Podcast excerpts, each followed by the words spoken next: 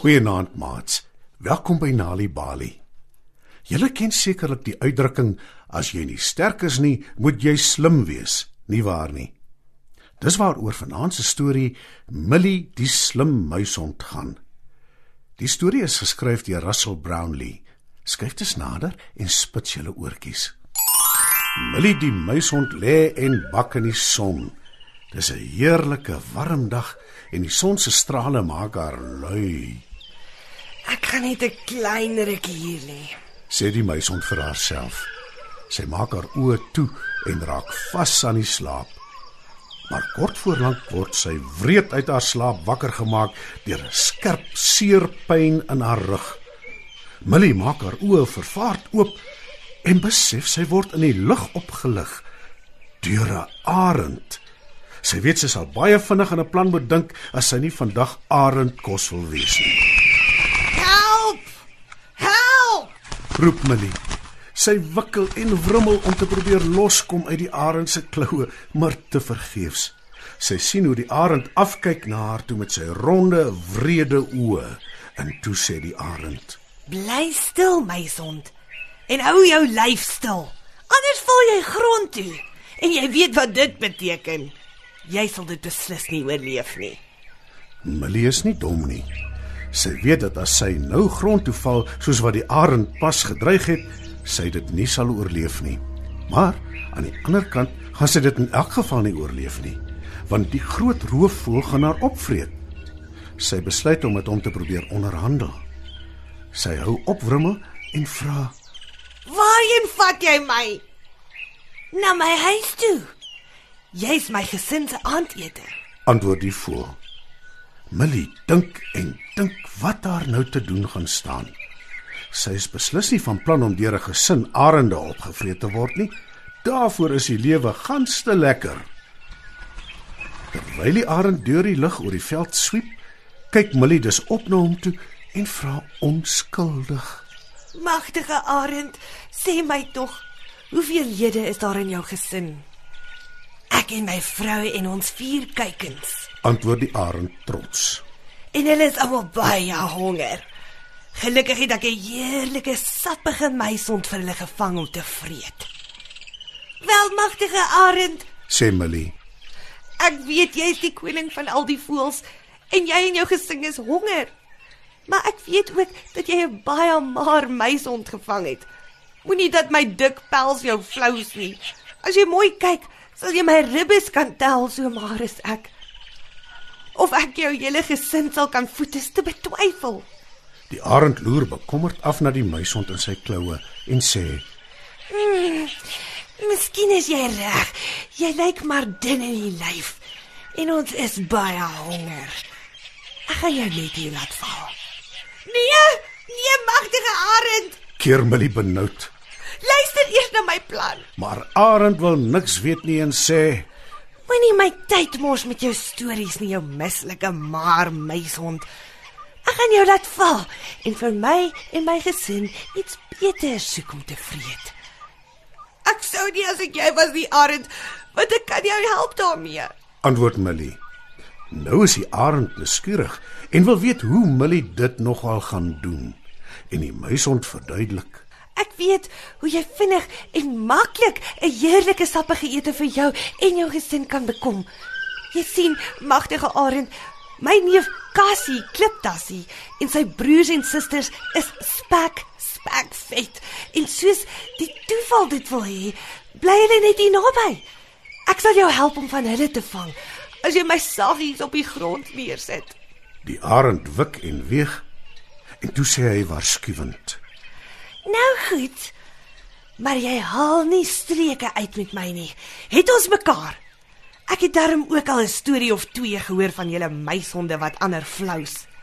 Wie?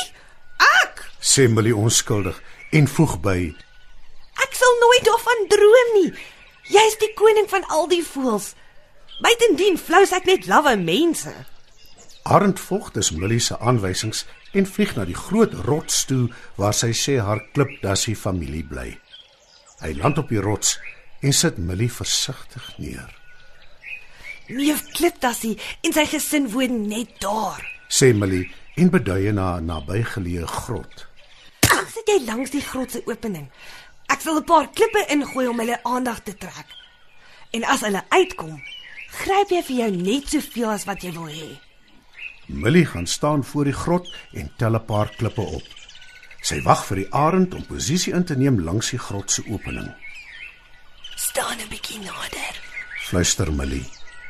Die arend beweeg nog nader aan die grot se opening.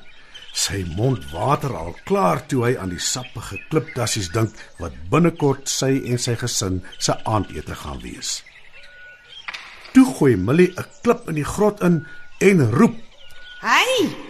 Lelik. Ja, dis reg. Ek praat met jou, jou ou Floyd taxi. Dis jou nig Millie. Kom uit dan wys ek jou iets. Dis 'n heerlike bos met groen sappige blare waaraan jy kan smal.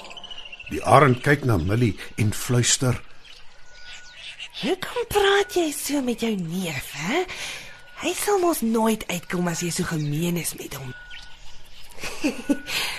Moenie jy jou daaroor bekommer nie. "Giggel die meisond." Ons praat maar so met mekaar. Dis ons manier. Dis 'n soort speletjie wat ons met mekaar speel. Nou goed, sê die arend, steeds effe skepties. maar maak gou. Ek wil nie vir ewig wag vir die kliptassies nie. En ek is baie honger en my gesin verwag my. Millie gooi nog 'n klip in die grot in en roep so hard as wat sy kan. Hey! Julle klomp stinkies daar binne. Dis nig Millie. Kom uit en groet my. En net toe klink daar 'n vreesaanjaende gegrom en iets spring uit die grot uit. Dis verseker nie 'n klipdassie nie, inteendeel, dis 'n baie kwaai luiper. Ek gooi klippe in my grot en wie beledig my so? brul die wonde luiperd. En toe die arend weer kyk, is Millie skoonveld. Hy staan stoksiel alleen by die grot se ingang. Toe die luiperd die arend sien, storm hy op hom af. Die verskrikte voël skree benoud, So, jy is die sondaar. sis die luiperd. Jy is die een wat my wakker gemaak het en my allerhande nare beledigings toegesnou het. Vir jou straf gaan ek jou nou opvreet. Die luiperd spring, maar die arend is net te vinnig vir hom. Hy vlieg met 'n skril geskree op in die lug en al wat die luiperd het, is 'n paar stertvere. Millie staan 'n end weg op 'n rots en beskou die betalje. Sy lag lekker toe sy sien hoe die arend wegvlieg en hoe nog van sy vere uitval. Dis jou verdiende loon. Roep Millie. Jy wil mos gulsig wees. En dis waarop ek staat gemaak het dat jy my sal verruil vir meer en vetter diere om te vreet. en toe word jy self amper iemand se aandete. Millie tel die arend se vere op wat uit die lug geval het en steek dit agter haar ore. Toe begin sy vrolik aanstap huis toe. Sy kan nie wag om vir haar mamma en die res van haar gesin te vertel hoe sy die magtige arend uitoorlê het nie. Wanneer kinders tuis stories hoor, help dit hulle om beter leerders te word op skool. Vir meer stories om vir kinders voor te lees of vir stories wat kinders self kan lees, besoek ons by www.nalibali.mobi. Daar is heelwat stories in verskeie tale absoluut gratis beskikbaar. Daar is ook wenke oor hoe om stories vir kinders te lees en met hulle te deel sodat hulle hulle volle potensiaal kan ontwikkel. Nalibali is ook op Facebook. Story Power bring dit huis toe.